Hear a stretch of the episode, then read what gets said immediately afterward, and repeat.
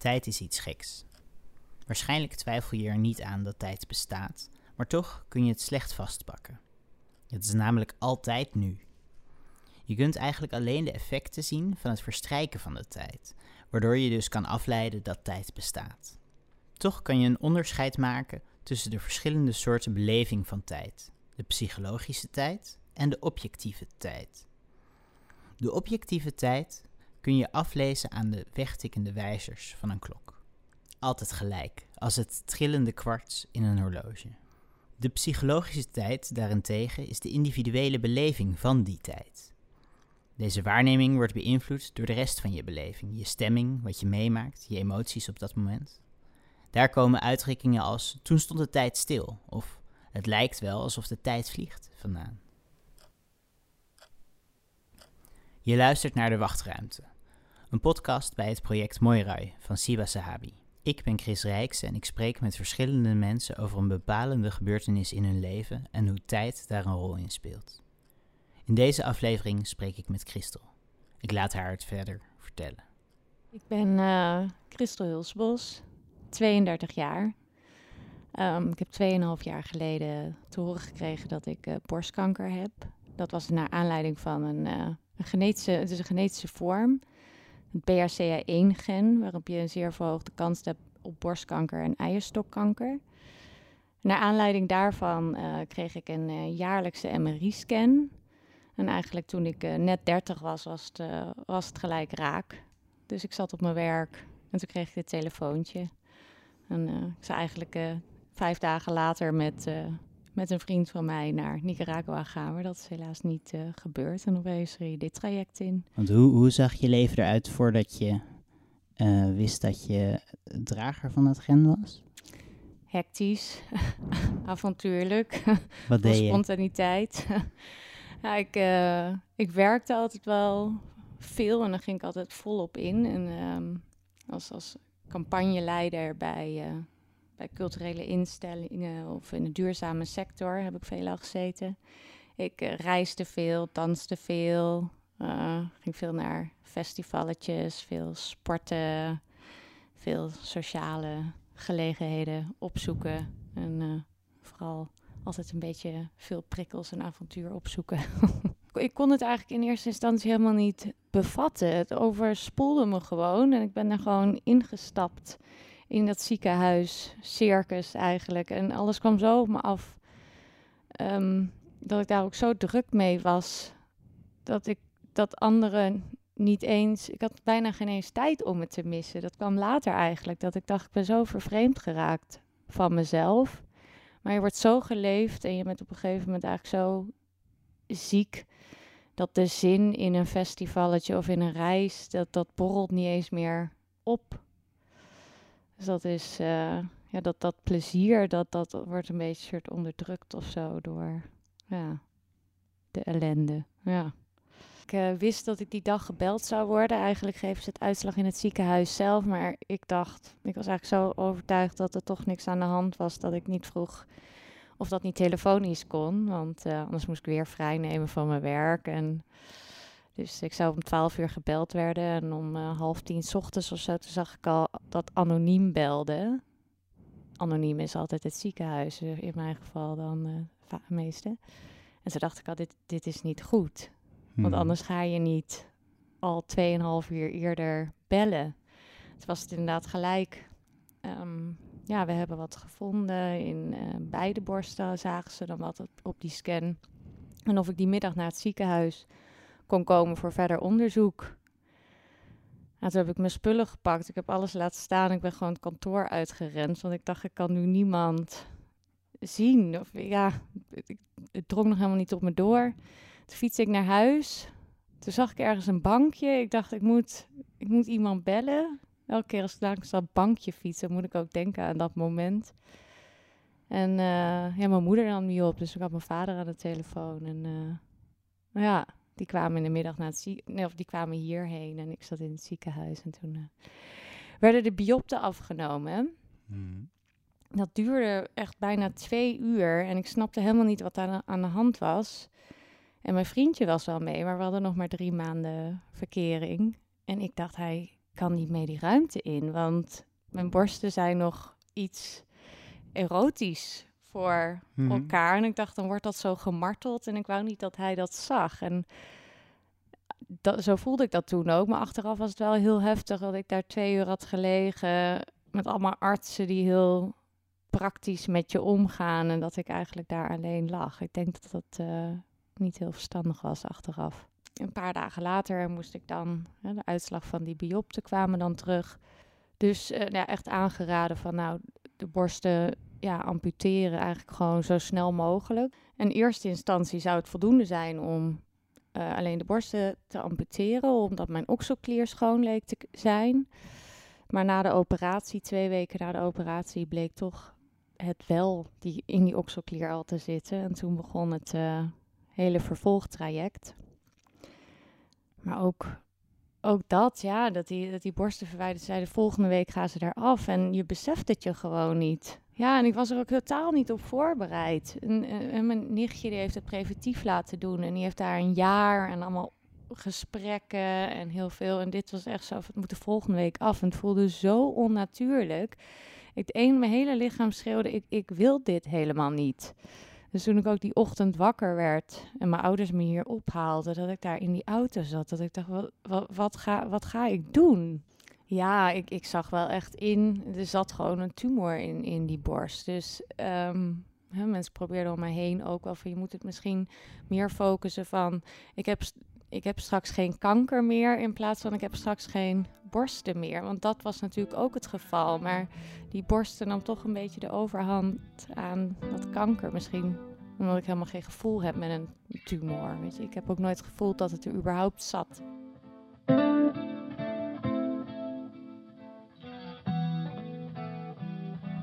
In het ziekenhuis gaan ze er eigenlijk gewoon best wel mee om. Ja, het is gewoon een beetje een dagelijkse routine. Dus die, eh, dat, de vorige operatie liep uit. Dus die plastisch chirurg die kwam eh, heel snel mijn kamer in. En ik stond daar te bibberen in zo'n blauw eh, hesje. Nou, kan je die uitdoen? Tegen de muur staan? Nou, dan pakte hij zo'n zo'n benzinestift en dan ging hij dat aftekenen. Ja, tepels ook, toch? Eh, eh, ja. Dus ik voelde me gewoon een beetje een soort vee dat, dat daar werd afgetekend. Nog even een paar foto's en hij liep weer weg. Nou, eh, ja, ik ga weer snel door. En toen stond ik daar echt tegen die muur. Toen dacht ik, dit, dit is zo raar. Voor mij is dit echt het grootste moment ooit. En hij gaat ermee om alsof het... Ja, we snijden ze er even af en ik zie je zo en succes ermee. Dat is echt wel een beetje grof eigenlijk. Ja, het was echt gewoon... Ja, je bent, gewoon, je, je bent ook eigenlijk een beetje een, een nummertje, toch? Je krijgt een polsbandje met een barcode en dan komen ze binnen en bliep, bliep en bliep, bliep. Je bent weer weg en... Ja, natuurlijk qua registratie begrijp ik dat allemaal wel. Maar soms eh, denk ik niet dat ze doorhebben dat het voor mij het grootste ding is in mijn leven. En voor hun gewoon dagelijkse romslomp.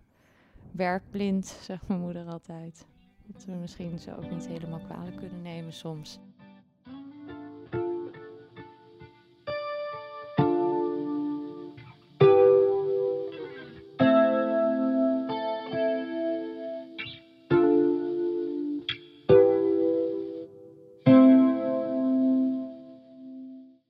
Waren ook biopsie van die lymfeklieren genomen. Ze hadden naast de, de aangetaste plek gehapt, zou ik maar zeggen, met die biopt. En twee weken na die operatie, dan kom je daar en dan eh, gaan ze bes- bespreken wat er nou echt is gevonden en wat er weg is gehaald.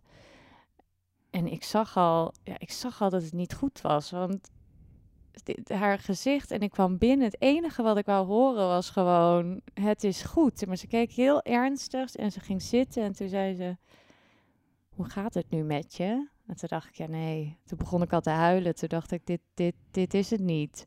Want normaal gesproken komen ze binnen en zeggen: Goed nieuws.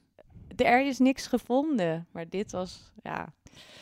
Dus ehm, ja, gelijk zeiden ja, je krijgt eh, chemo en ik weet niet of je ook een kinderwens hebt, maar anders moet je deze week ook beginnen met eh, hormonen spuiten en ja, je wordt kaal en je wordt bestraald en ik, ik zat daar echt, ik dacht wat, dit, dit lijkt wel een, een soort film.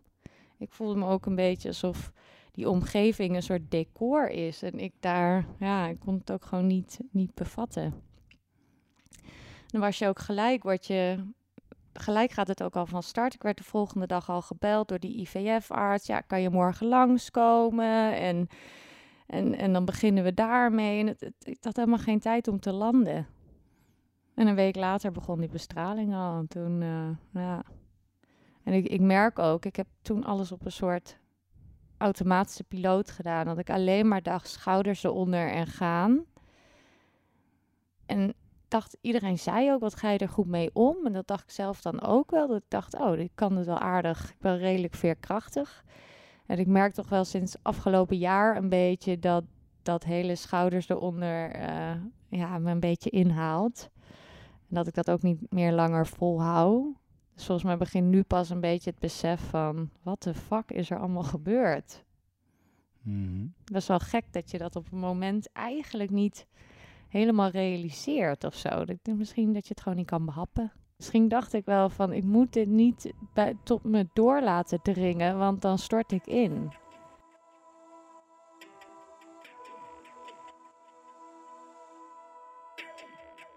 Voor die twee minuten bestraling zit je eerst hier ehm, een half uur tot een uur te wachten op je zorgtaxi. Want ik kon niet uh, zelf rijden na die operatie en uh, fietsen natuurlijk ook niet. Dus dan zit je heel lang te wachten. Je weet ook niet wanneer die komt. Want het is allemaal een beetje, beetje uh, afhankelijk van de andere routes. Dan ga je onderweg, ga je ook nog eventueel mensen oppakken, oppikken. En dan ben je daar vaak dus ook heel vroeg, want anders heb je het niet goed getimed. Dus dan zit je daar heel lang met mensen die allemaal met hun barcode daar zitten. Want je moet eerst je barcode scannen en dan kan je onder dat apparaat gaan liggen zit iedereen daar met zijn papiertje te wachten op, uh, ja, op de bestraling, wat inderdaad maar twee minuten duurt. En op de terugweg ging het rieltje natuurlijk weer hetzelfde. Je kon pas bellen naar die zorgtaxi als je klaar was. En dan zat je daar met al die mensen daar vooraan in het uh, VU. Heb je allemaal van die bankjes staan, waar vooral oudere mensen allemaal zitten te wachten op hun zorgtaxi. Het heeft ook wel weer iets hilarisch. Nou, en dan wordt je naam opgeroepen en dan uh, hopen dat je als eerste aan de beurt bent om thuis te komen. Dus ja, zo'n twee minuten was je soms vaak wel de hele dag mee kwijt. En die bestraling op zich was niet zo vermoeiend. Wel dat je daar elke dag dat hele traject in moest. 16 dagen was dat achter elkaar. Toen begon die uh, chemo. Dat was in eerste instantie. Uh, het plan was om de eerste vier om de twee weken te doen. En dan twaalf keer wekelijks. En je gaat ook qua, qua tijd ga je heel erg leven naar de einddatum. Die had ik echt in mijn hoofd uh, gegraveerd. Dat was ergens begin augustus. Dus daar leefde ik ook heel erg naartoe. En ook per week, want alles was gebaseerd op tijd. Want ik wist bij die eerste, oké, de eerste drie dagen ben ik het meest ziek. Donderdag was altijd, want maandag kreeg ik het vaak. Donderdag was eigenlijk de meest helse dag op een of andere manier. En dan kon ik in het weekend weer een beetje leuke dingen doen. En dan kon je maandag weer daar naartoe. Dus je leefde daar ook heel erg op. En ik ging daar ook allemaal dingen naar plannen. Dus ik dacht, oh, die week had ik geen chemo. En dan kan ik dan bijvoorbeeld een keer met een vriendinnetje wat doen ik had heel erg aan dat schema vast. Maar dat schema is totaal overhoop gegooid. Omdat ik heel vaak naar huis werd gestuurd omdat mijn bloedwaarden niet uh, goed waren. Dus dan ging die chemo werd weer, weer uitgesteld. Ik heb ook heel vaak uh, koorts gehad en opgenomen in het uh, ziekenhuis, waardoor ik weer geen chemo kon hebben. Dus het is iets van acht of negen keer uitgesteld. Dus die einddatum klopte niet meer. Mijn planning met vrienden. Ik heb heel veel dingen gewoon echt af moeten zeggen. Je, je kon niks plannen. Je wist echt niet hoe je je voelde. Of ja, het is gewoon afwachten. Ja. Ik, zowel voor zo'n chemo als voor zo'n bestralingsdag. Waar leidde je jezelf mee af? Of wat, wat, wat deed je om maar gewoon überhaupt te kunnen blijven zitten of zo? Of eh, hoe ik. ik...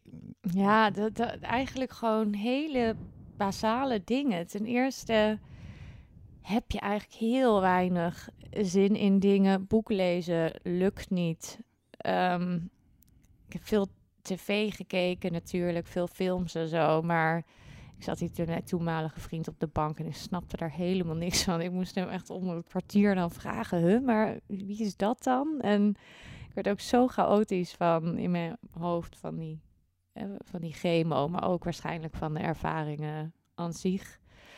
Eh, als ik de energie had, ja, een beetje een rondje lopen, ergens een ijsje eten als ik daar zin in had. Nou, veelal ja, lag ik ook al gewoon in bed. Ik was heel erg moe. Als ik dan even een half uur een rondje ging lopen en eventjes een theetje ergens ging drinken, dan, ja, dan gewoon weer eh, de bank op. Dat was het wel. Ja, ja, ik heb niet heel veel eh, ondernomen in die tijd. Nu ben je wel op een andere plek. Je hebt je chemo soort afgerond. Toch? Noem je dat zo? Ik weet niet. Ja, Strik je erom? ja, ik ben uitbehandeld. Uitbehandeld. Ja, ja, ja. Gezond bevonden? Ja, ja elke half jaar ehm, heb je dan nog een controle.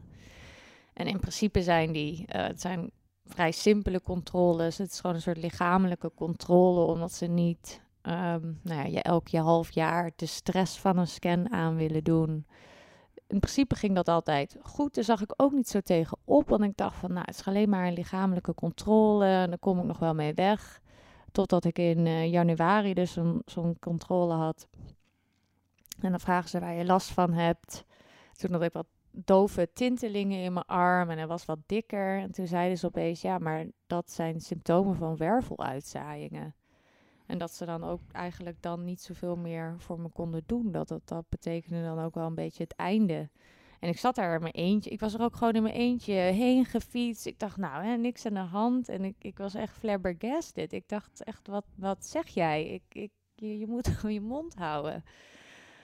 En eh, nou ja, ik was alleen, dus ik ben die week daarna, daarna teruggegaan. En ze hadden echt aangestuurd, je moet toch echt een scan gaan doen, want we vertrouwen het niet.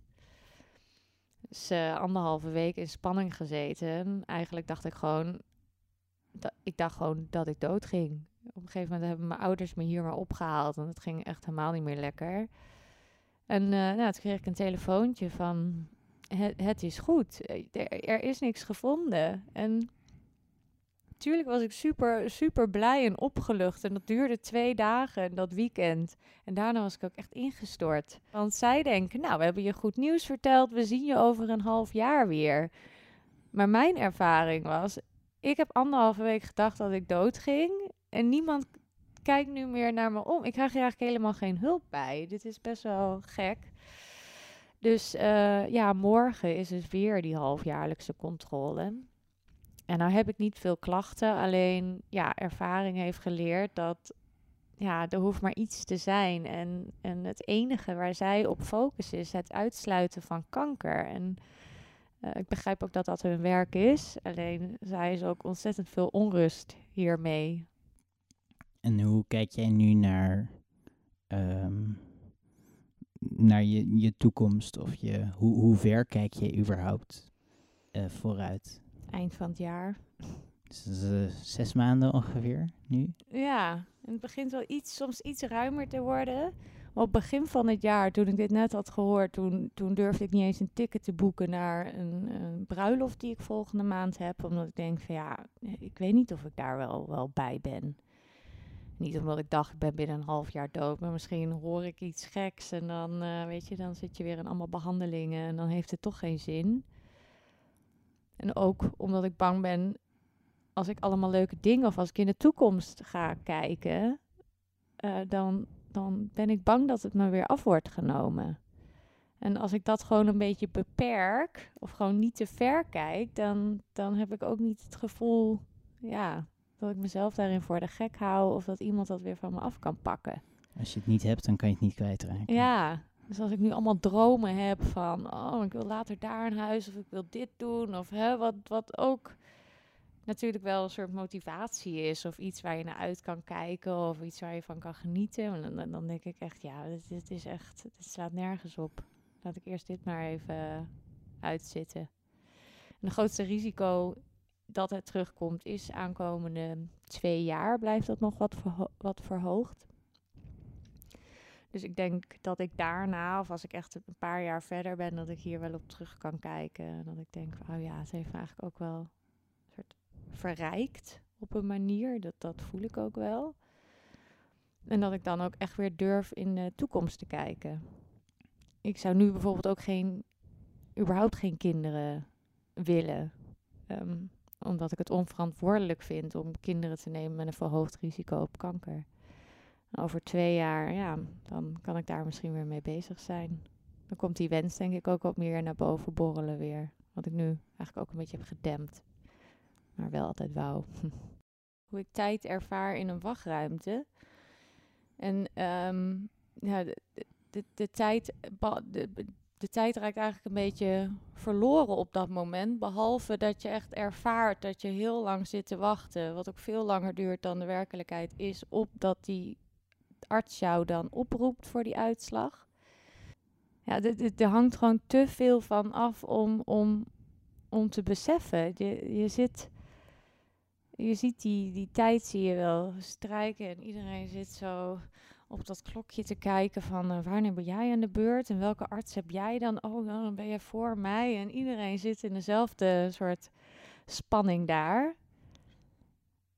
En zodra je op wordt geroepen, ga je eerst proberen dat gezicht af te lezen. Dan denk je dat je het daar al ergens uh, in kan zien. En dan het moment dat je het hoort, is gewoon echt alles bepalend. Want het is wel, uh, het is wel of niet goed. En dan kan je weer. Eigenlijk ben ik dan. Dan pas weer. Kan ik weer een beetje tot rust komen. Ook al hoor je slecht nieuws. Dan kan je daar in ieder geval weer. Dan kan je weer een soort beeld creëren van je leven. Het niet weten is mentaal zwaarder. Ja, natuurlijk wil je liever niet weten dan kanker hebben, want dat wil eigenlijk niemand. Maar toch uh, geeft het mensen wel iets meer houvast, denk ik. Dat niet weten is gewoon niks. Je raakt gewoon verlamd. Je kan, geen, je kan niet in de toekomst kijken, je kan geen afspraken maken, je kan, niks, je kan geen uh, plannen maken. Nee, het is echt een soort uh, verlamming.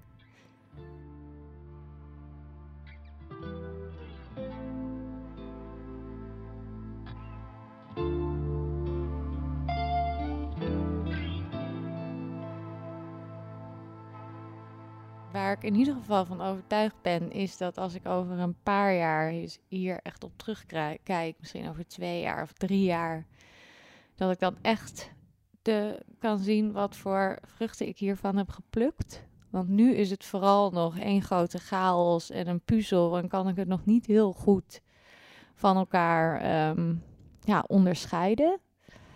Um, maar ik, ik waardeer het wel echt de kleinere dingen veel meer. Dus ik kan veel meer genieten van ehm, ja, gewoon een, een, wandeling in het bos. Uh, lekker eten, um, met vrienden borrelen. Die, dingen die ik eerder voor lief nam, waardeer ik nu heel erg. Ook uh, breng veel meer tijd door met familie en vrienden.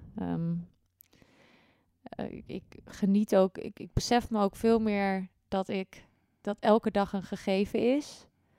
En dat je daar dankbaar uh, voor kan zijn. Eerder dacht ik eigenlijk ook maar gewoon... Uh, ja, ik leefde eigenlijk een beetje in een soort bubbel. Want um, ja, ik was uh, gezond en, en ik kom uit een, gewoon een, een, goed gezin. En ik kon naar Amsterdam en ik kon werken en studeren. En dat ging goed. En dat nam ik eigenlijk echt voor lief. En dan opeens dit gooit je hele leven op de kop. En dan realiseer je je ook van, oh ja, misschien krijg ik wel geen kinderen, misschien word ik wel niet tachtig. En uh, met die inzichten creëer je ook een soort heel veel dankbaarheid. Um, en en het, het, besef dat je nu leeft en er nu iets moois van moet maken. Um, ja, en daar uh, respect voor moet hebben.